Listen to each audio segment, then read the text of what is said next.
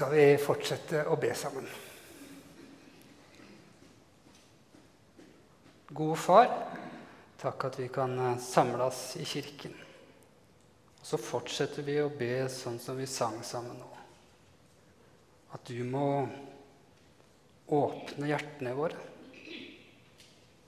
At du må la oss få se enda mer av hvem du er.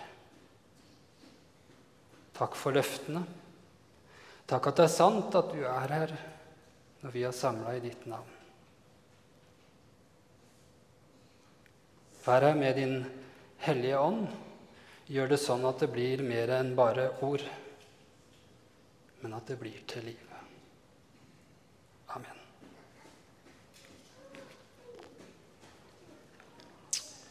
Vi skal lese teksten sammen, som vi finner hos Matteus i kapittel 23.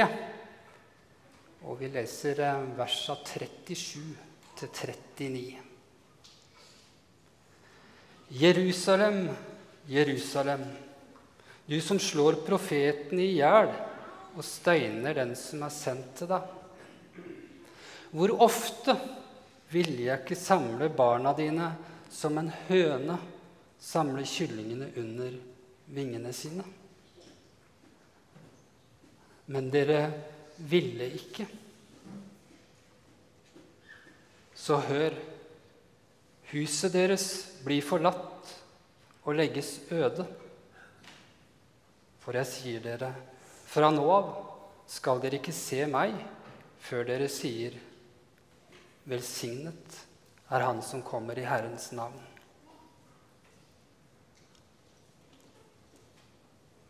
Jesus er i Jerusalem. Og vi hører et par kapitler føre at Jesus rir inn i Jerusalem, det som vi feirer på palmesøndag. Og så er vi nå i kapittel 23 i Matteus. Og det er egentlig en eneste lang eh, anklage en eh, straffetale til de skriftlærde og fariseerne. Rett før teksten vår så får vi høre vedropa av Jesus.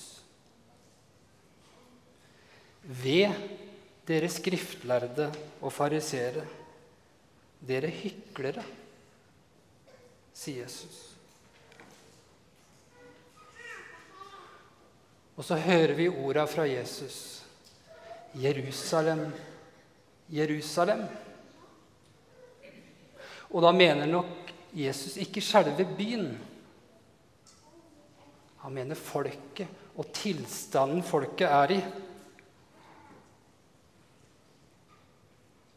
Du som slår profetene i hjel og steiner dem som har sendt til deg.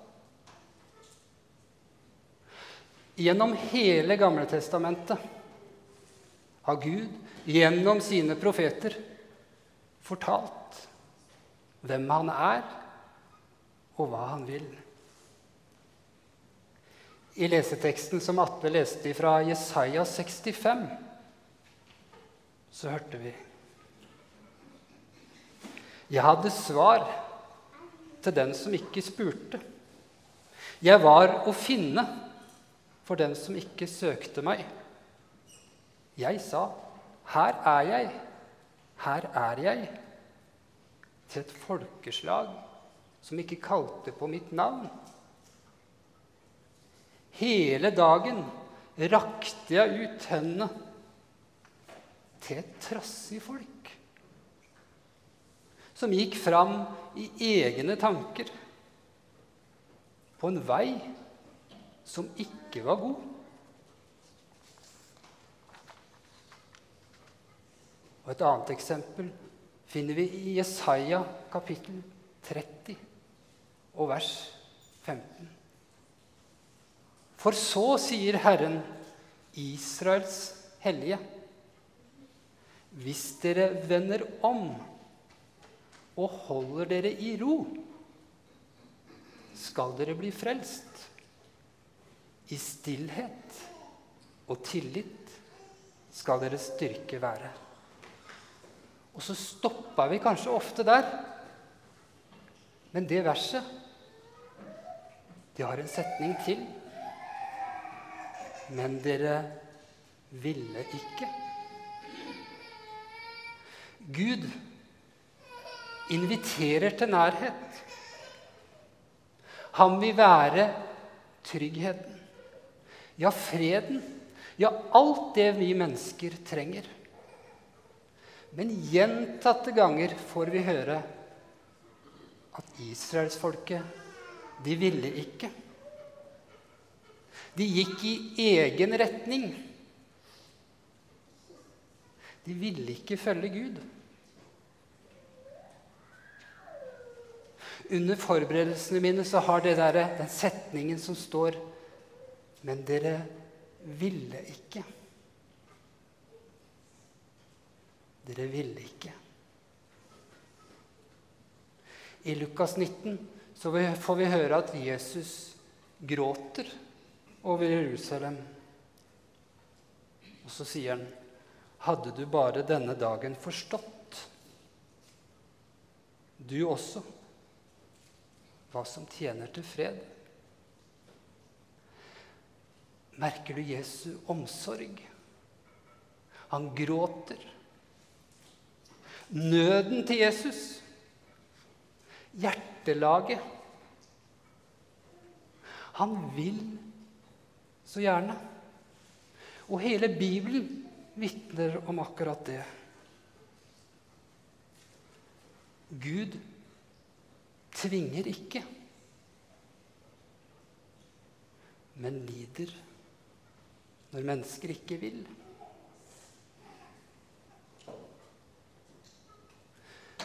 Noe av den samme omsorgen og varmen kan vi også høre av orda til Jesus på korset. Far, tilgi dem, for de vet ikke hva de gjør. Midt i dødskampen på korset omsorg, nød. Men han tvinger ikke. Sånn er Jesus og Gud i dag også. Han vil så inderlig gjerne at vi kommer. Og det står så mye på spill. For det er bare Jesus som har redninga. Jesus som sa, og som sier, 'Jeg er veien' sannheten og livet. Ingen kommer til Faderen uten ved meg. Fariseerne og de skriftlærde hadde ikke fått se det. Hva med deg? Vil du? Eller trekker du deg litt unna. Vi liksom ikke helt ta imot. Vi har det litt på en sånn armlengdes avstand.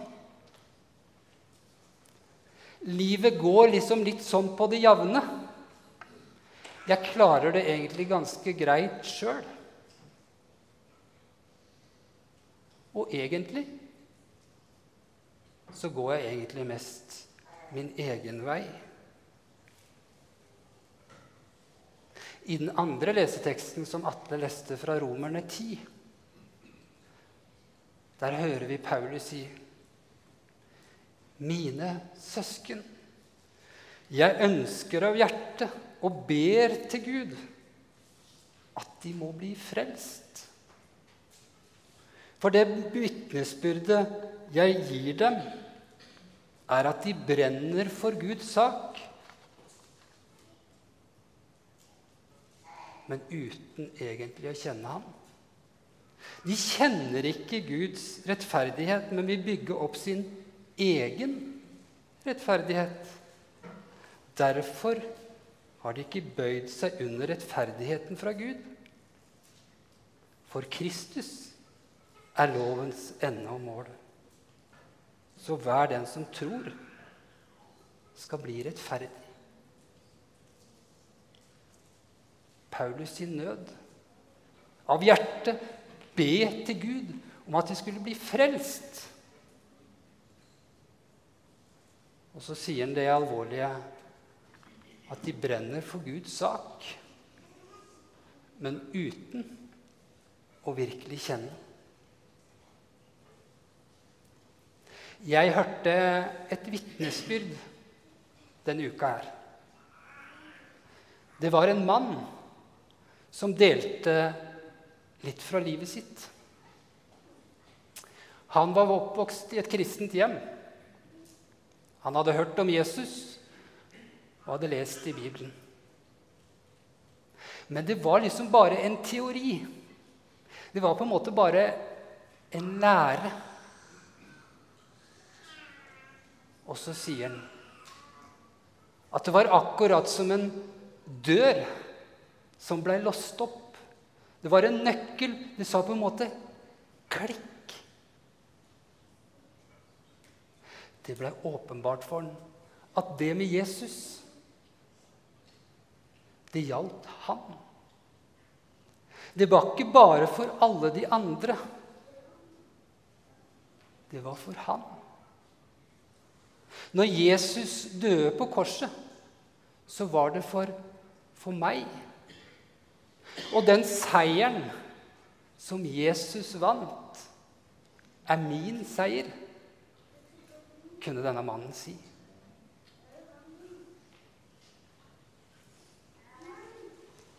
Og så er det akkurat det Jesus ønsker for oss alle. At vi tar imot invitasjonen. I dag så lyder kallet til meg og til dere. Og hør videre det fantastiske bildet Jesus bruker i teksten vår. Hvor ofte ville jeg ikke samle barna dine som en høne som savner kyllingene under vingene sine?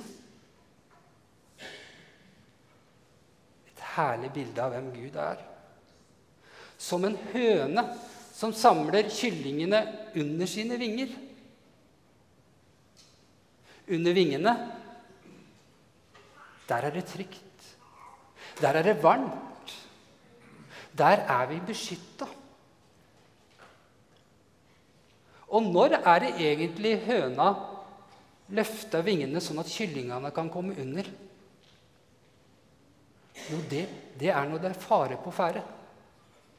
Når høna skjønner at nå må jeg trygge kyllingene mine, da løfter hun vingene sånn at de kan komme i trygghet. Tenk! Sånn ønsker Gud å være for oss. Han har åpne armer, ønsker så inderlig gjerne at vi kommer. Og så vil han beskytte da. Og så leser vi noe om det bildet er ganske nøyaktig likt i salmene.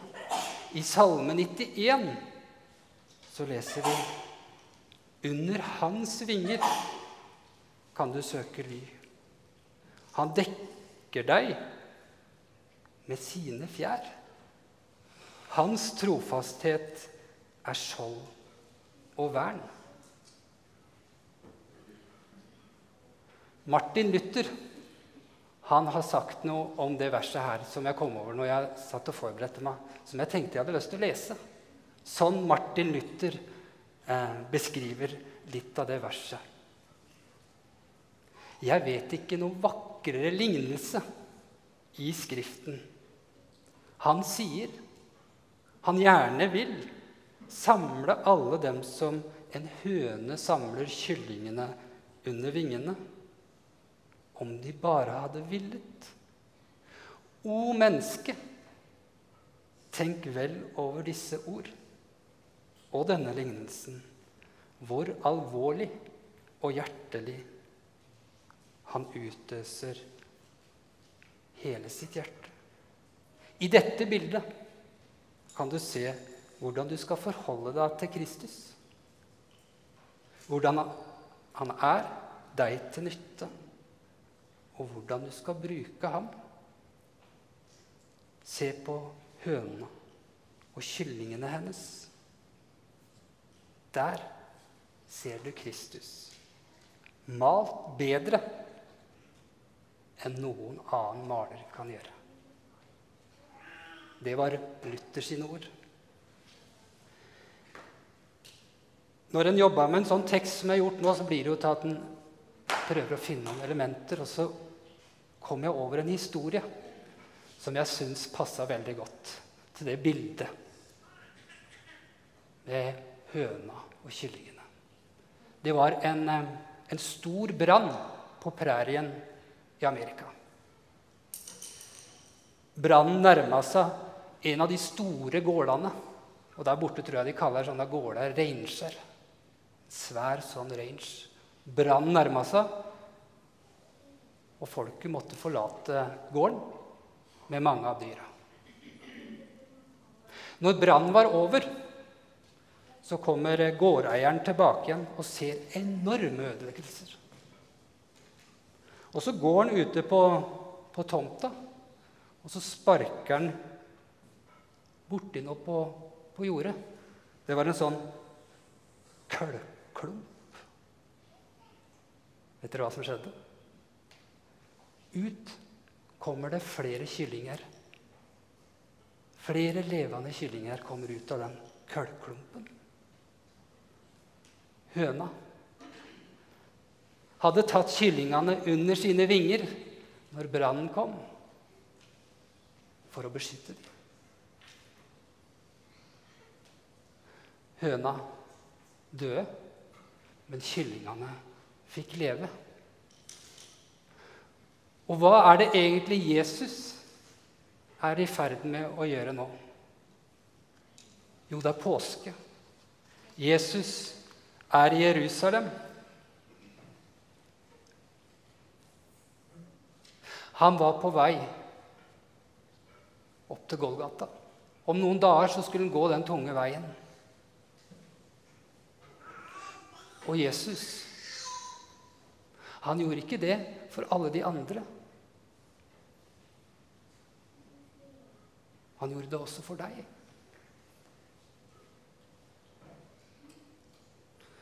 Og så fortsetter Jesus i teksten vår i dag, etter at han har sagt det at de ikke ville, så sier han Huset deres blir forlatt og legges øde. Huset, det er jo tempelet. Og tempelet får vi høre mye om også i Det gamle testamentet.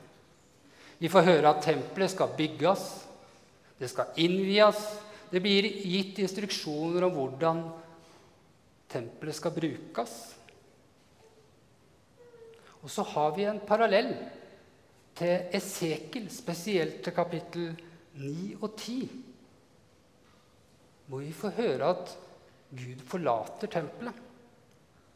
Gud må flytte ut av tempelet, for han kan ikke bo sammen med avgudene der. Og så får vi høre at tempelet blir rivd. Og så sier Jesus nå på nytt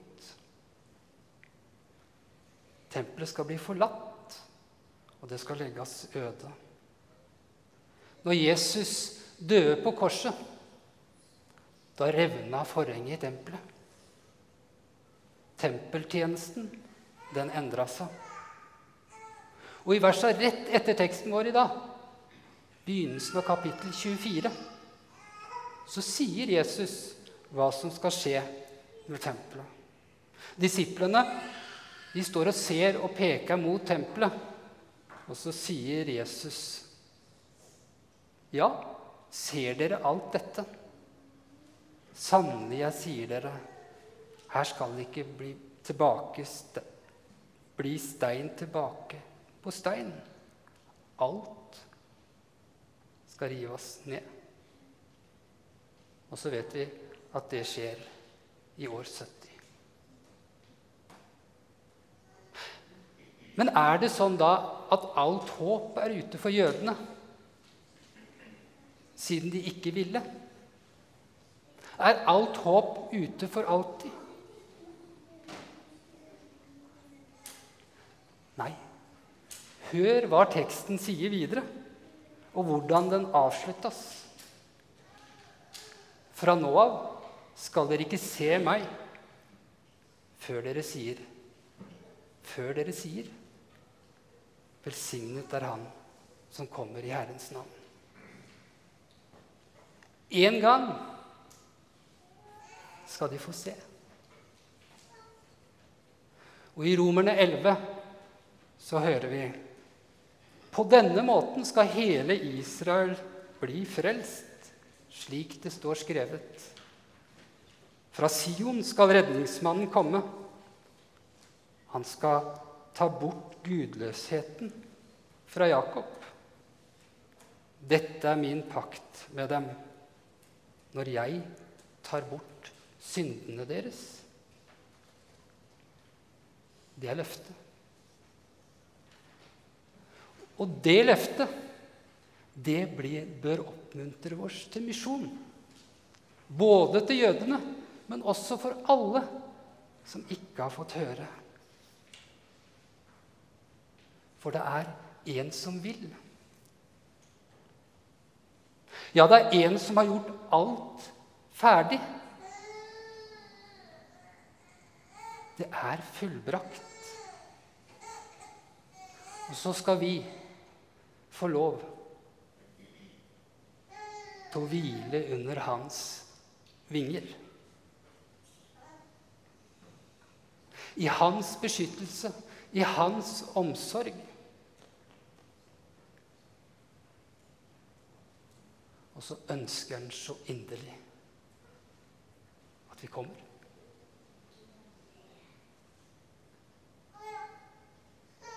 Han ønsker så inderlig at vi kommer.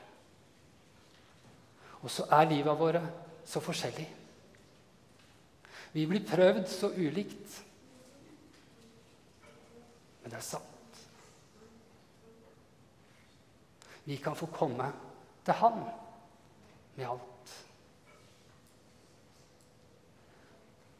Og så skal vi nå synge en typisk kveldssang. Og det er ikke fordi at jeg har blitt helt døgnvill. Men det er for at den teksten, den syns jeg passer veldig fint. Bre dina vida vinger og Jesus over meg. Og låt meg stille og hvile i ved og vel hos deg. Må det være bønnen vår og det vi alle sammen får hvile i under hans vinger. Amen.